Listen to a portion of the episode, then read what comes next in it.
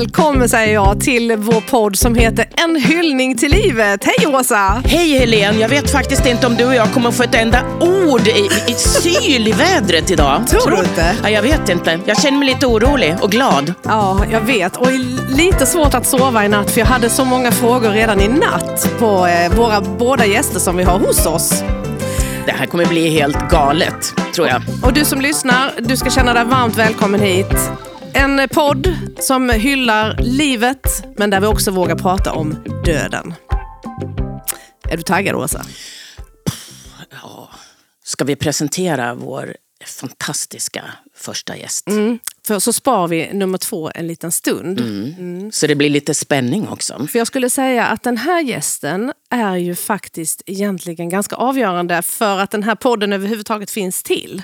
Ja, man skulle kunna säga att allt är hennes fel. Mm. Hur känns det, Amelia Adamo? Du får ta skulden. Ja, just i det här fallet så är det ju bara angenämt. Måste varmt, jag säga. Varmt välkommen hit. Tack så mycket. Tack. Hur länge sedan var du var i Skåne senast? Jaha, är det så länge sedan? Kanske något år? Ja. Kanske något år. Det finns många skäl att komma hit, inte bara för att träffa Åsa. Jag känner inte dig, men jag känner Åsa. Och sen känner jag ju diverse olika personer, har en medarbetare lite längre söderut. Mm. Eh, Birgitta Piper som jag också besöker, plus diverse andra och är löjligt förtjust i Österlen. Åh, oh, vad härligt. Mm. Som så många. Ja, ja, det är inget konstigt. Vi bodde under ganska många år eh, Kristianstad nära kan man säga. Eh, vid Åhus på något som heter Landön eller ja det heter Landön. Ja då är du faktiskt på andra sidan. Ja. Nu ska jag vara lite petig här. Ja, andra sidan mot eh, Sölvesborg och Bromölla till. Ja precis. Och det var ju väldigt intressant och på den tiden jobbade jag på Aftonbladet så att eh, Eh, man fick ju reda på hela tiden att Aftonbladet var ju ingen som brydde sig om det var ju kvällan. Det var ju bara kvällan som gällde. Eh, och då kom jag också eh, i kontakt med det här, den här delen av Skåne som tycker att de är sig själva nog. Vad hyggelo.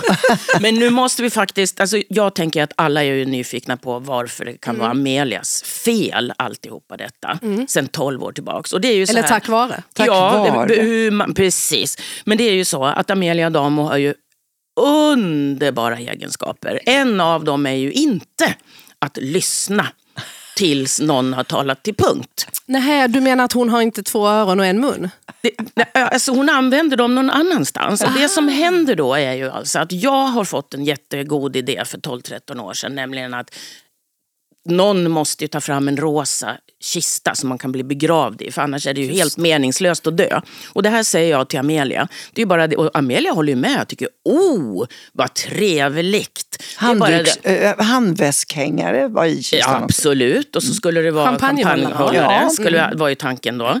Det är bara det att Eh, ja, sen började vi väl prata om något annat, var på någon middag tillsammans. Mm. Och sen går det några veckor och så ringer Amelia mig och säger hon, nu skriver jag om den där rosa kistan som du har tagit fram. Kan du vara vänlig och skicka ett foto?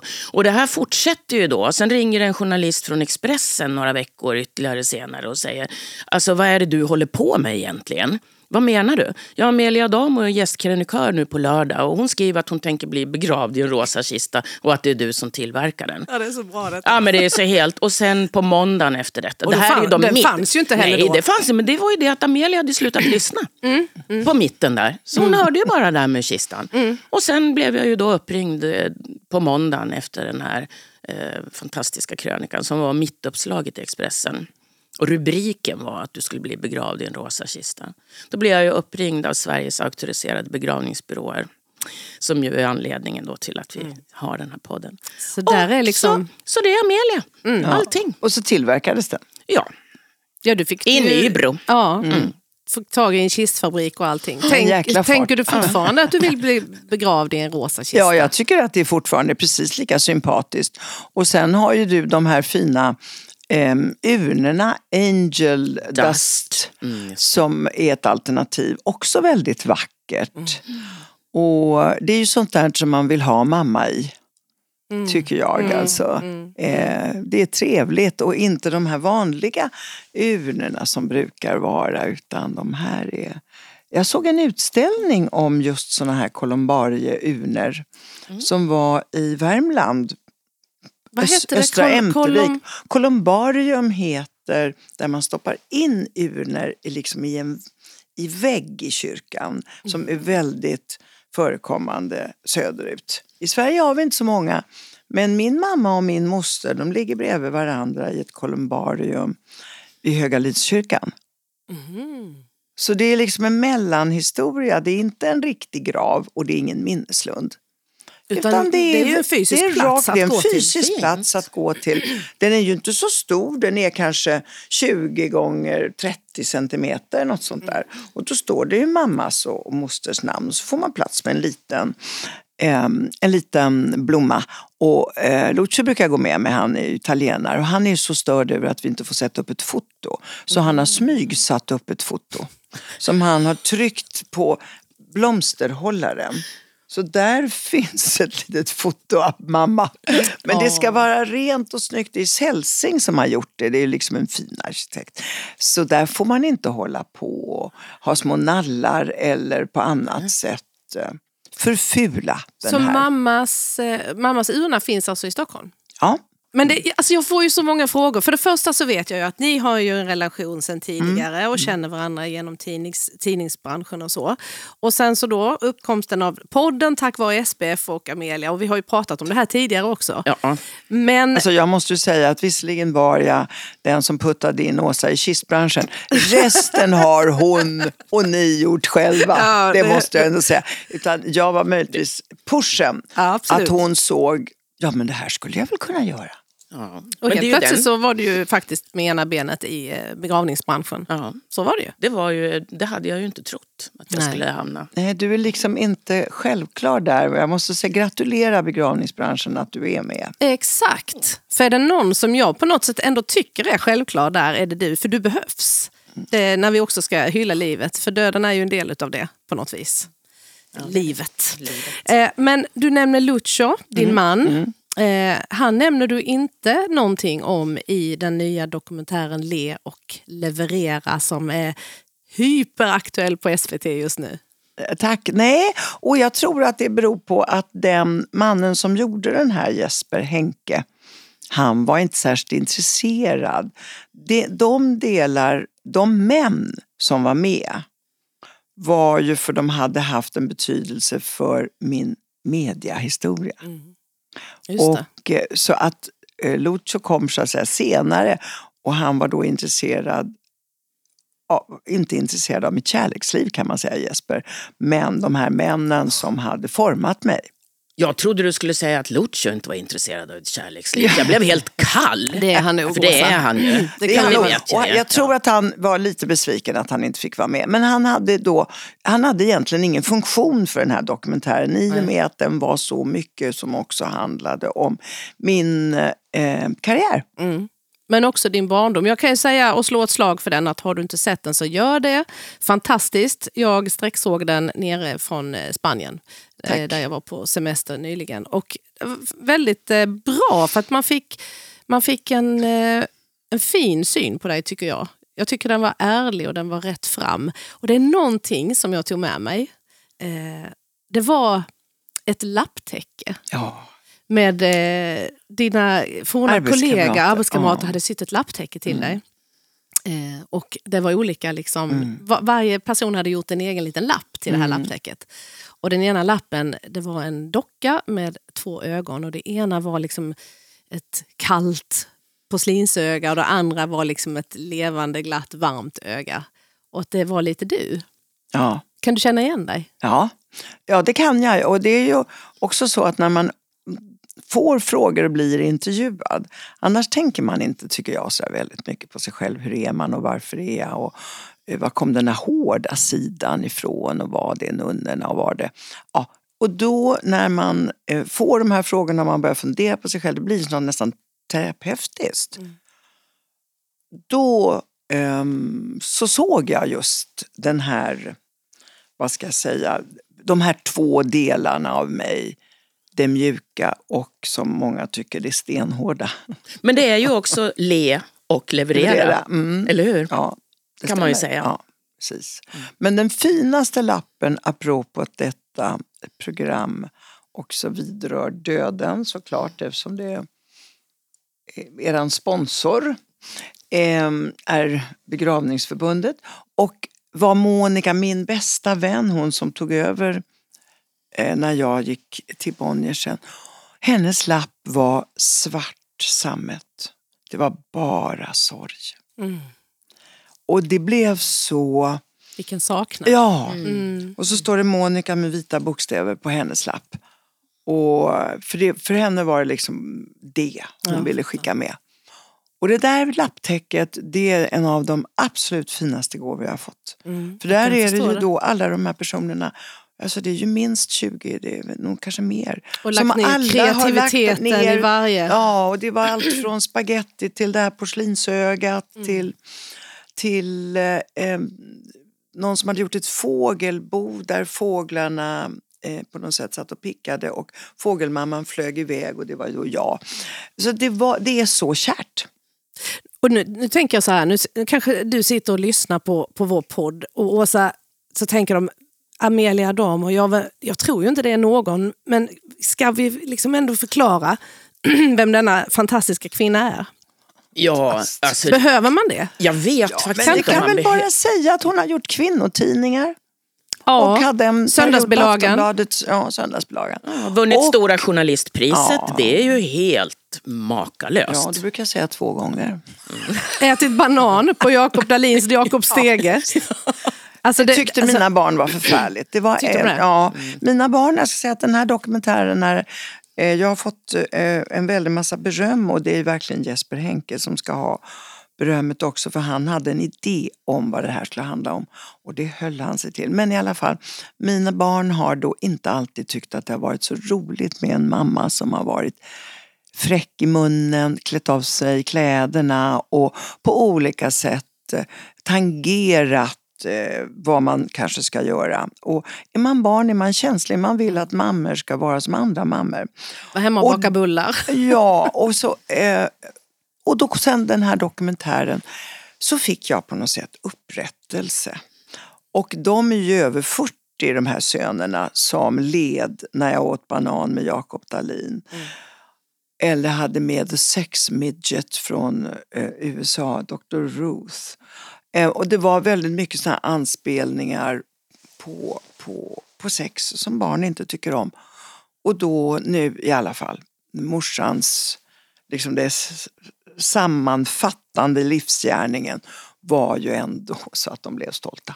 Ja. Men jag tror roligt. att du representerar jättemånga kvinnor i eh, Sverige i alla fall eh, som, och i västvärlden. Eh, jag vet inte, kanske i hela världen.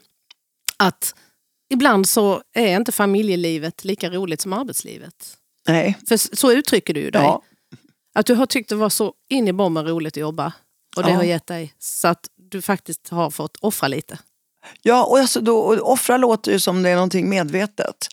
Och det har det ju inte riktigt varit utan det är ju efteråt eh, när man eh, tänker Gick det inte lite fort de där åren fram och tillbaka till dagis med den där lilla handen i min Eh, nu skickade jag ju, jag känner ju de som har liksom haft andra som har hämtat barn och som aldrig, inte aldrig, men inte så ofta haft den där handen därför så var det ju inte riktigt för mig. Jag hade ju ändå en, en stor del mammaliv. Men jag var, en, jag var dålig på familj och jag, var, jag har inte varit en särskilt bra fru brukar jag säga.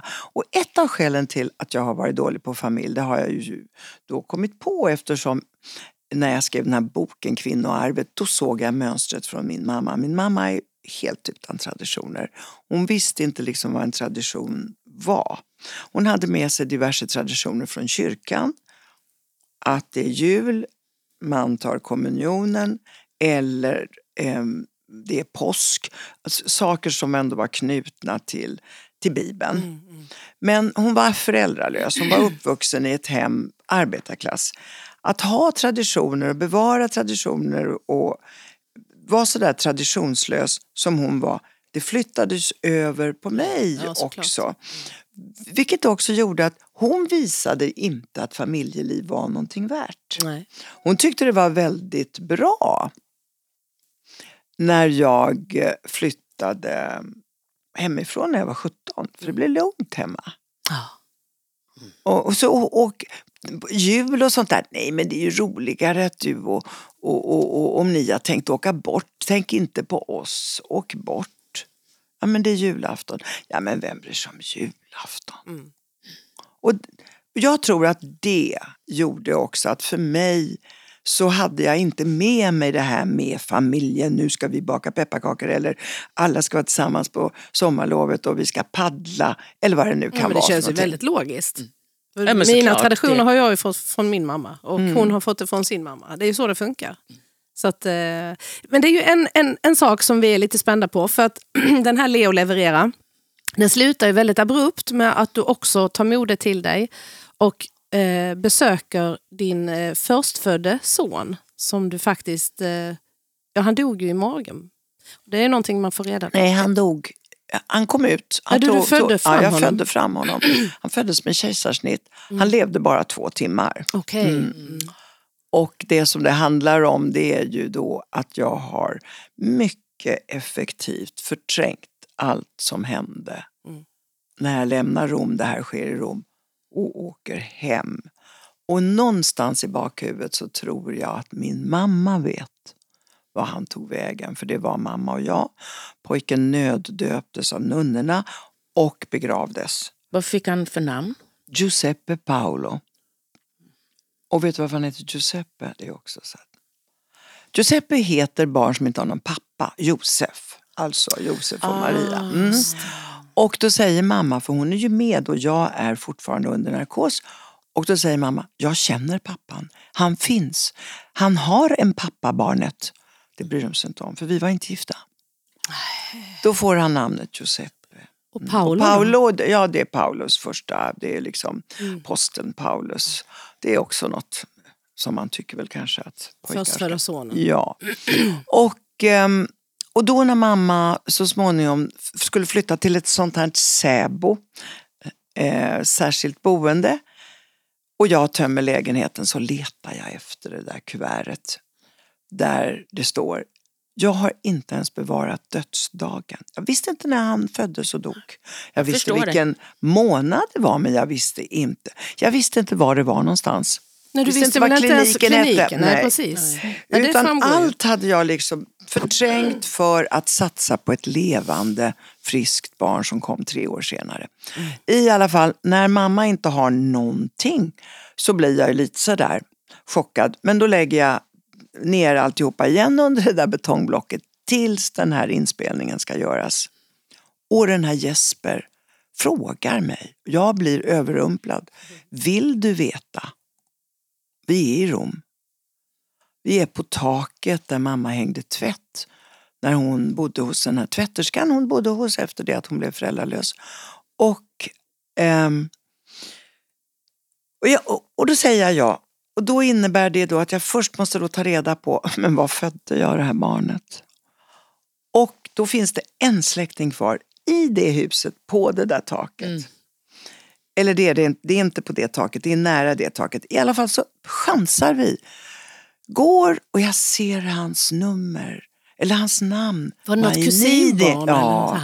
Han är 87 år. Han står innanför sin dörr med covid-munskydd. Han har covid. Och han berättar för mig att kliniken heter Mater Därifrån så rullas allting upp. Datum, var han är begravd.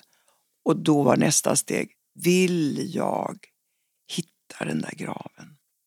Och då, har jag, då tycker jag så här, nej men nu när vi har kommit så här långt, det är klart att jag måste se det nu, äntligen. Mm. Innan jag dör vet jag.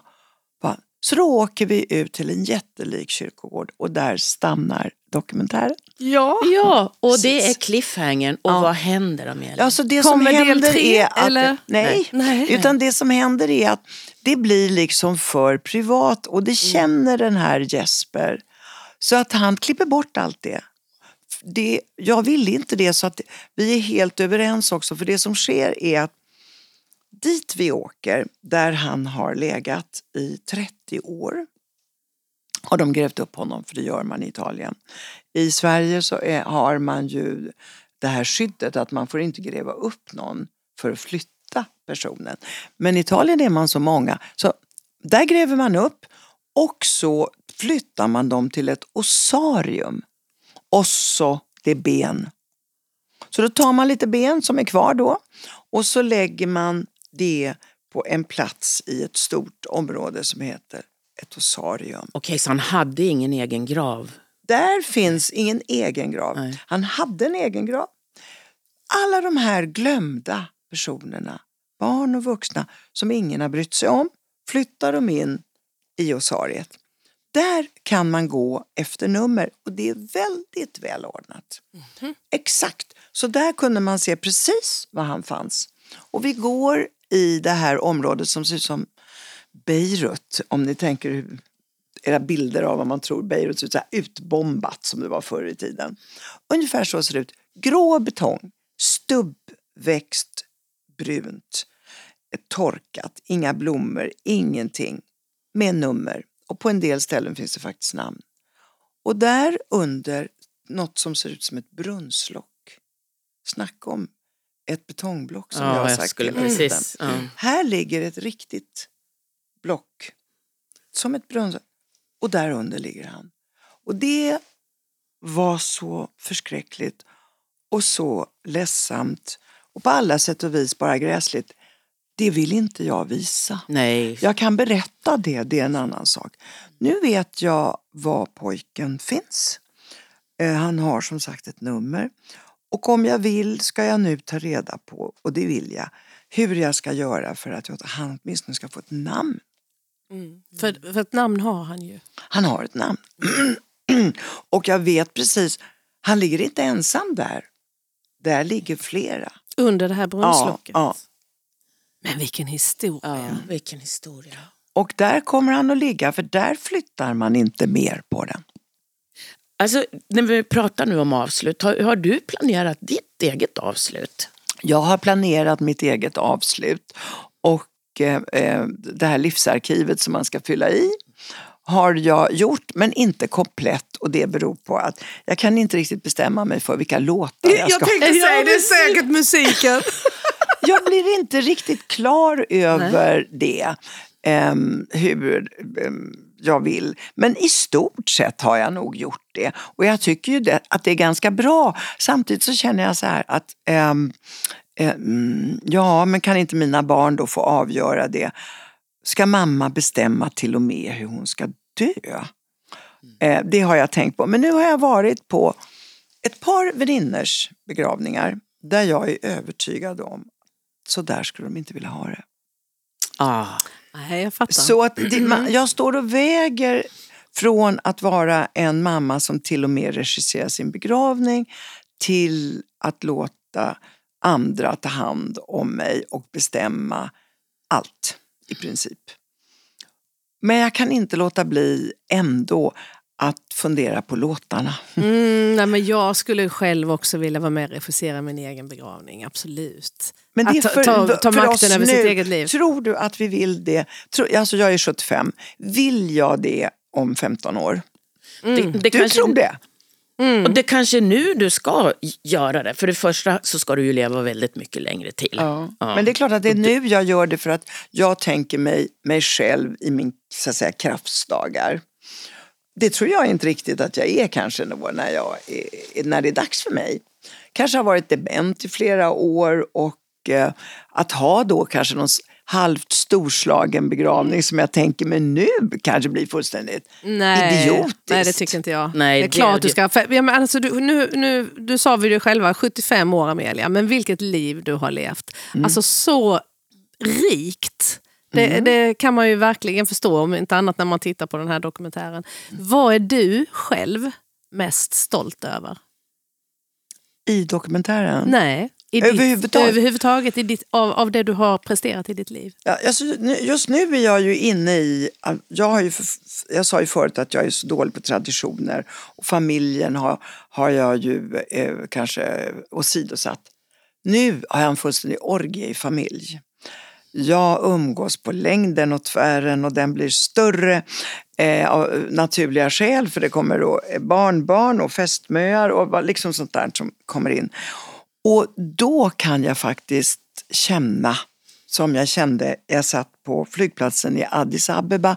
Vi var allihopa på väg från Kenya och jag såg eh, den här 16 personer, familjen Adamo Benvenuto, halvslockna där på eh, stolarna. Och jag kände en enorm lycka och stolthet att jag hade gjort det. Så just om du frågar mig idag så tycker jag att jag är stolt över att jag har den här familjen och att vi alla är sams, att, eh, att vi älskar varandra, för det tror jag faktiskt att vi gör. Att man lyckas föra ihop två familjer, just det är det. Sen är jag klart jätte, jätte, jättestolt över att mina tidningar har haft betydelse för kvinnor. Det är den andra delen. Så det är liksom tvådelat precis som livet är. Att det ena är en sak och det andra är lika viktigt fast på ett annat sätt. jag kan inte värdera och säga att det här är nog det mest Nej, jag är det förstår jag. Det är en svår fråga. Men vilka har inte haft en veckorevyn och en Amelia i handen? Eller hur? Väl... Ja, men det har vi ju alla. Jag måste få flika in en sak också här när det gäller Amelia. Därför att hon påstår ju då nämligen att hon har gått i pension. Mm. Ja. Och varje gång jag ringer så är det ju så att nej, nu ska vi snart, nej jag kan inte göra det nästa helg för då ska vi åka till London. Och sen är det det, sen är det en magasinresa och sen så är det någonting annat. Och sen så är det eh, Ja men bara på väg i bilen hit så var det ju eh, två möten hann du väl med tror jag. Exakt. Medan vi satt på bilresan Och hit. sen så är det, nu hinner jag inte prata längre för nu ska jag gå och spela badminton med mitt barnbarn och få sträckning i vaden. Mm. Jaha. Ja, ja. Mm. Ja. Så ja, fullt ja. upptagen pensionär. Men det är väl härligt samtidigt? Ja, du är ju du är ingen också. kvinna som bara sätter sig ner och löser sudoku. Nej, men jag tror att den människa man är, ungefär när man är vuxen, den fortsätter man att vara hela livet.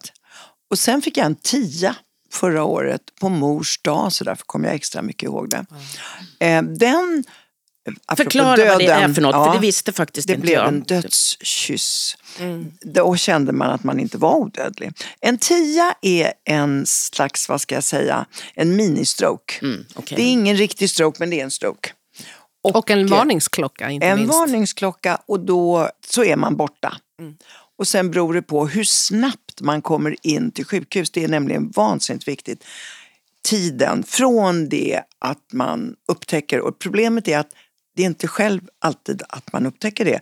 Jag hade turen att ha en katastroforienterad svärdotter som såg på en gång, det är något konstigt med henne, och började säga, nu gör vi akuttestet. Upp med armar, kan du le, kan du säga? Och så upptyckte, tyckte hon att nej men det där gick inget bra. Då ringer hon efter eh, ambulans. Hur, hur ska man göra upp med armarna sa du? Ja, man ska kunna ha båda armarna uppe i luften. Uh -huh. Och sedan så ska man le och ofta om man har fått en stroke så blir leendet snett, det hänger lite. Sen ska man upprepa en mening. Och väldigt ofta så kan man ju också fråga personen, vilket de gjorde med mig, när är du född? Och då kommer jag inte ihåg det. Nej.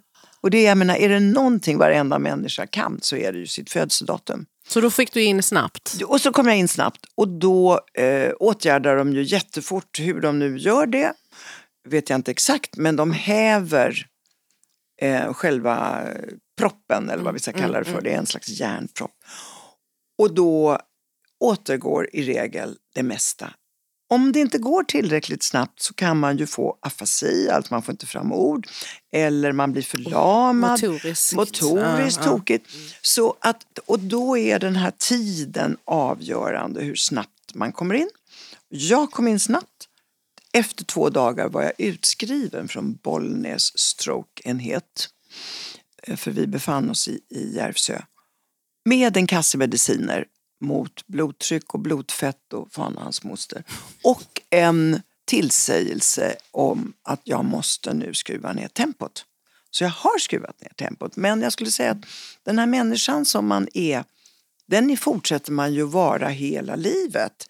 Men när såna här saker händer, då blir man ju ändå medveten om att ja, men jag kanske måste börja tacka nej eller inte göra så här mycket saker. Men någonstans så tror ju jag när jag åker och spelar badminton att jag kanske är 45 mm. tills jag får den där sträckningen mm. i vaden. Men, ja, det är som jag brukar säga ibland, eller tänka, att eh, ens kropp inte klarar av ens personlighet längre. Nej. Lite så. Ja, det är, är så. Samtidigt är det ju då att och det har ju all forskning visat att ju mer du håller igång din kropp, om du kan det, desto bättre är det ju. Såklart. Mm. Mm. Lucio, din man, mm. vad betyder han för dig? Ja, alltså, när Lucio kom in i mitt liv för 13 år sedan, tror jag att det är nu, så var det en total förändring på många plan. Ett, han tog hand om hela hushållet. Det har jag aldrig varit med om. Um, vilket innebär att han både stryker, lagar mat, handlar och funderar bara. Stryker? Hur, hur, hur, och det gjorde han utan att du sa till honom? Nej, men det är klart att jag kanske frågade, men jag behövde ju inte lära honom. Men han kunde. Han okay. kunde. Ja, ja. Han, kunde. han hade varit ensamstående pappa en period. Ja, mellan alla damerna som passerar revy där. Han är ju en gammal strandraggare. Så. Ja, Varifrån i Italien är han? Alassio. Alassio? Ja, dit charterresorna oh, gick en där har jag varit. jag kanske träffade honom där då när jag du, var barn typ. ja, du är nog betydligt yngre, han är ju 75. Ja, ja, ja, men jag tänker att han, var, han kanske bodde där då när jag var där. Jag var ju där 1975 faktiskt. Nej, han kom till Sverige 73. Ja, då så. Du missade honom. jag missade honom på två år. Med en svensk kvinna, en kärlek där. På stranden -huh. som blev på riktigt, som blev hans första svenska fru. Och sen stannade han i, i Sverige. Men det, som hände, det andra som hände, bortsett ifrån att han tog hand om allt det som jag jämt har tagit hand om för de män som jag tidigare har haft har varit den här gamla sortens, inte särskilt jämställda män som alltid har tyckt också att deras jobb är jätteviktigt. Och eh, vab fanns ju inte på den tiden, i alla fall inte som jag minns. Man löste det på annat sätt. Men i alla fall så det var en del. Sen var det också så att Lucio är frisör. Vilket innebär då att han eh, har inte ägnat sig åt inrikespolitik. Det gör säkert en del frisörer men det har inte varit hans jobb. Och det var ju totalt annorlunda från de män jag tidigare hade haft. Nyhetstörstiga. Precis. Mm. Och eh, han hade så att säga ett helt annat praktisk syn på livet. Och i början tänkte jag, hur ska det här gå? Och det har gått så bra. Mm. Just för att jag var så pass gammal. För jag var ändå 62. Hade jag varit 40 kanske hade det varit en annan sak. Men 62, då kan man tycka att nej, varför ska jag vara en elitist? Varför kan jag inte tycka om handens verk? Varför kan jag inte anpassa mig efter det här som är viktigt för honom och inte bara det här är viktigt för mig. Och när jag så småningom lärde mig det, för det tog ganska lång tid, mm. och att han kan få vara i sin matlagningsbubbla och jag kan sitta och lyssna på Godmorgon världen och det eh, inte blir ett problem. För jag behöver inte begära att han lyssnar på Godmorgon världen vad Göran Rosenberg just nu pratar om. Och han är väldigt glad om jag inte lägger mig i hur mycket han, vitlök det ska vara exakt. eller annat. eller hur? Just det ja, jag lägger jag mig i för att jag har blivit äldre och då är det svårt att smälta vitlök på natten. så det frågar jag numera. Men jag, jag måste, alltså detta är så roligt, men måste jag faktiskt, du har ju gjort så otroligt mycket som sagt i ditt liv eh, och varit med på en massa olika saker. Men nu är det så att Helene och jag, vi har faktiskt kommit på en sak som du har varit med på som du är som vi tror att du har glömt. Okay. Mm, och jag försökte verkligen hitta detta. P4 Kristianstad där jag har jobbat i många år. Eh, det här gamla klippet. Det finns ju säkert någonstans om vi frågar någon begåvad ljudtekniker. Men jag lyckades inte hitta det på, på nätet. Mer än bilden faktiskt. Du finns med på bild. Vet du om att du är en av ministrarna i vårt Happyland? Nej. Nej. det är du. det är du. Och du ja. är inte vilken minister som helst. Nej. Du är helt enkelt eh, var är den nu då? Varför hittar jag den? Ja, men jag kan det utan ja, att leta. Det. Njutningsminister. Ja, okay. Ja, det tycker jag var en bra, bra ja. minister. Synd att den inte finns på riktigt. Ja, Carl Jan Granqvist är champagneminister. Ja. Thomas Di Leva är Peace eh, and Love-minister. Mm. Babben Larsson blev Gotlandsminister. Mm -mm. Och Kurre Lundmark, det var ju väldigt roligt. Han blev snällhetsminister. Och han var ju så till sig över detta och mm. ringde och uh, ville göra mer saker. Det var roligt. Men vi sa det Helena och jag, för vi kom på det i fredags att det här kommer inte du ihåg. Nej. Det här var ju en rolig radiogrej mm. vi hade liksom på fredagar. Så ringde vi upp eh, massa intressanta, härliga människor. Ja, och du var en av dem. Jag lite svagt ihåg mm. att du har ringt om någonting med i Kristianstad radio. Ja. Det kommer jag ihåg. Och då var det mig du pratade ja. med. Mm, så du vet, vi känner ju varandra ja, redan i princip. Och det är så roligt. Det, jag för det var så smidigt. Ja, ja, ja. Men visst var det perfekt med njutningsminister? Absolut. Mm. Och det, det som slår mig nu är ju att vi, man kan ju tro när man sitter och lyssnar på den här podden att vi bara är tre stycken vid bordet. Men det är vi ju inte. Nej. Vi är ju fyra stycken vid bordet. Mm. Och varför ringde vi inte Birgitta Piper och frågade om hon ville vara ekonomiminister? Det kan man ju undra över. För Birgitta, den ministerposten hade du tagit, yes. eller hur? Ja. Fullt ut. Det hade blivit kul. Det hade blivit väldigt roligt. Alltså välkommen hit. Tack. Ekonomijournalist, boende nere på Sydslätten. Ja, norr om Ystad kan vi säga. Norr om Ystad. Mm. Eh, och eh, bor du i ett slott? Nej, jag bor i ett stall. Du bor i ett stall? Vid sidan av slottet. Tillhörande ett slott? Men ett fint stall? Ja. Ja, ja, ja. Alltså, på vilket sätt känner ni varandra? Det här är ju så härligt. Nu har vi fått eh, liksom reda på hur Åsa och Amelia träffades. Men ni två? Ja, det får egentligen Amelia berätta. Ja, jag skulle starta M-magasin och jag har fått reda på att just ekonomiska frågor var en väldigt stor fråga för kvinnor 50 plus, plus får vi väl säga. Mm. Då, jag var 59 och det var ju då relativt nära att man går i pension och då måste så att säga, pengarna räcka ett ganska bra tag till. Det var inte bara den, de tankarna som var avgörande för eh, de här kvinnorna som skulle läsa M-magasin. Men jag kände att vi måste ha en ekonomisk spalt som det hette då. Mm. Vi måste ha någon som tar hand om våra eh, frågor. Och då ville inte jag ha en vanlig ekonomijournalist. Jag ville inte heller ha någon sån här bankperson. Och så någonstans i min skalle så hade jag det här top of mind. Och så ska jag och min dåvarande man Torbjörn visa åka och fira Jan Guillous 60-årsdag. Mm. Och där ska vi träffa några andra som också ska göra det och så ska vi gemensamt åka till Danmark. Och vi, jag tror att vi ses på någon pizzeria-liknande historia. Ja. Och då tyckte jag redan från början att det var väl märkligt att Jan Guillous bästa vänner är en greve och grevinna. Ja. Det liksom stämde inte.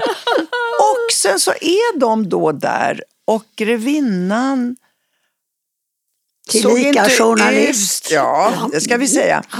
Alltså grevinnan, det, det, det intressanta var ju att grevinnan var ekonomijournalist på Sydsvenska Dagbladet och väldigt kunnig i de här om, det här området. Men hon såg inte ut varken som, tycker jag, ja möjligtvis en grevinna kanske. Tveksamt. Tveksamt.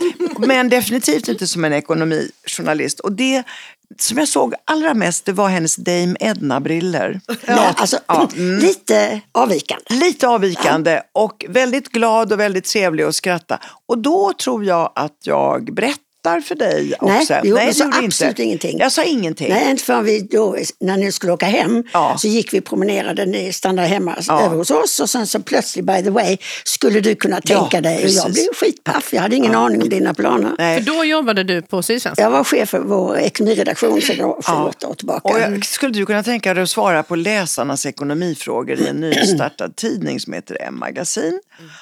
Jag kommer att skicka några hittepåfrågor för att se hur du skriver. Säger jag då till denna eh, kvinna som är... Men jag, jag ville att det skulle vara... Och så kommer det tillbaka svar som det som har gjort Birgitta så framgångsrik och så populär. För att efter mig så var det ju Birgitta, men inte före mig. Kanske för somliga. Men i alla fall. Amelia först. Ja, och du, Birgitta hade ett, ett uh, oförblommerat sätt att tackla de här frågorna typ eh, om det var någon som hade skrivit in och var tveksam om den här nya mannen var kanske någonting att lita på. Han ville ju jämt bli bjuden och då kunde liksom Birgitta, gör dig av med honom omedelbart.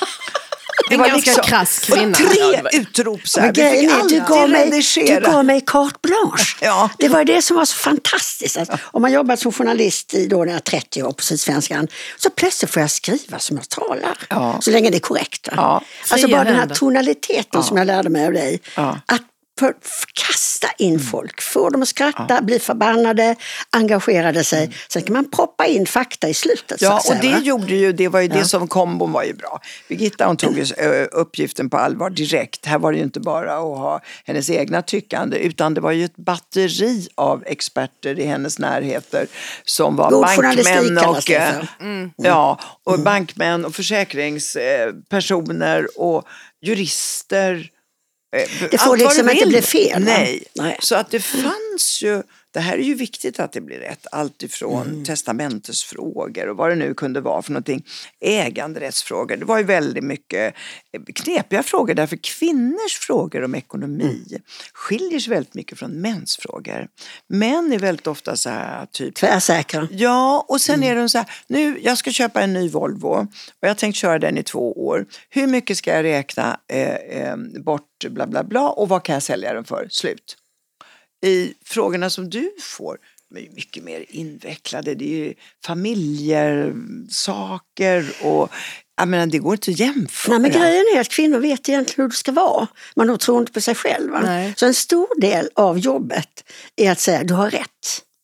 För de vill ju ha bekräftelse på osäkerheten, Men det är också för kanske att inte männen bekräftar dem hemma i deras tankar. Det finns alltså, det är en traditionell mm. fördelning av makt och synpunkter och den är uråldrig. Men herregud, min mamma är född på början 1700-talet, eller bara 17, 1917 för allt i världen. Ja. Mormor på 1800-talet. Mm. Två kvinnor som har påverkat mitt liv så nära.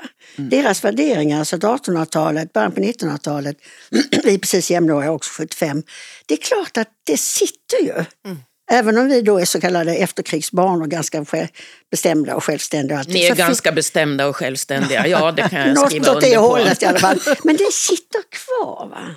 Det, de gamla alltså, värderingarna. Alltså det är outtalat. Ja, du men jag tycker kvinnorollen. Ja, men jag tycker det är fantastiskt alltså. att ni också lär ut det till de nya generationerna. För det behövs. Det behövs ju än idag. Ja. Alltså, vet ni en sak? Att inte förrän 1952 så blev kvinnan, mamman, medansvarig som alltså, myndig, myndig person för barnen. Så fram till 1952, då var jag alltså fem år, så var det bara min pappa som hade myndighet över barnen, inte min mamma. Det, är inte klokt. Nej, det, alltså, det kan man inte ens tänka sig. Alltså, det är ofattbart. Mm. Ett annat sånt där datum som jag inte kommer ihåg exakt vilket år det var som har betytt jättemycket. Det var ju sambeskattningen när de tog bort den. 71, jag glömmer det aldrig. Ja, ja. Det är också ett Vadå väldigt, sambeskattning? Jo, alltså förut, det kan ju Birgitta berätta, berätta bättre. Nej, det kan vi, alltså grejen är att innan, och kvinnor hade oftast lägre lön, mm. men var sambeskattad med en man som hade mycket, mycket högre lön, då blev hennes lön på hennes skatt på en skitlön lika hög som hennes man. Va? Så det var fullständigt meningslöst att jobba. Och det och var jag, om man var gift? Om man var gift, ja. Mm, mm. Och det var, för mig var det en befrielse, för då, då jag gjorde comeback på universitetet eftersom jag varit hemma i tio år. Tänkte jag måste börja läsa igen för att få lite ordning på mina Ja. Alltså du hör ju själv, Åsa, här finns ju så mycket att prata om när det gäller de här frågorna Birgitta. Så mm. du, du behöver ju ha ett eget program, ja. ett ja, eget nej. avsnitt i vår podd. Ja, eller hur? Never story. Ja, jag fattar. Men du, du, eh, du ska få vara med i nästa avsnitt, så du kommer att hänga kvar. Men Amelia, eh, vi hade kunnat sitta här och prata timmavis. Fantastiskt. Så är det ju med eh, långa liv. Ja, men också att du, du har mycket innanför pannbenet som är bra, som be behöver höras. Och ja. eh, det tycker jag... En förebild. En förebild, verkligen. Ja, ja, nu får ni sluta berömma mig. Nu blir, ja, nu blir hon nästan lite gråtmild här ja, på slutet. det går inte för sig. Eh, stort tack eh, Amelia och eh, all lycka i framtiden. Tack så hemskt mycket. Tusen, tack. tusen tack. tack.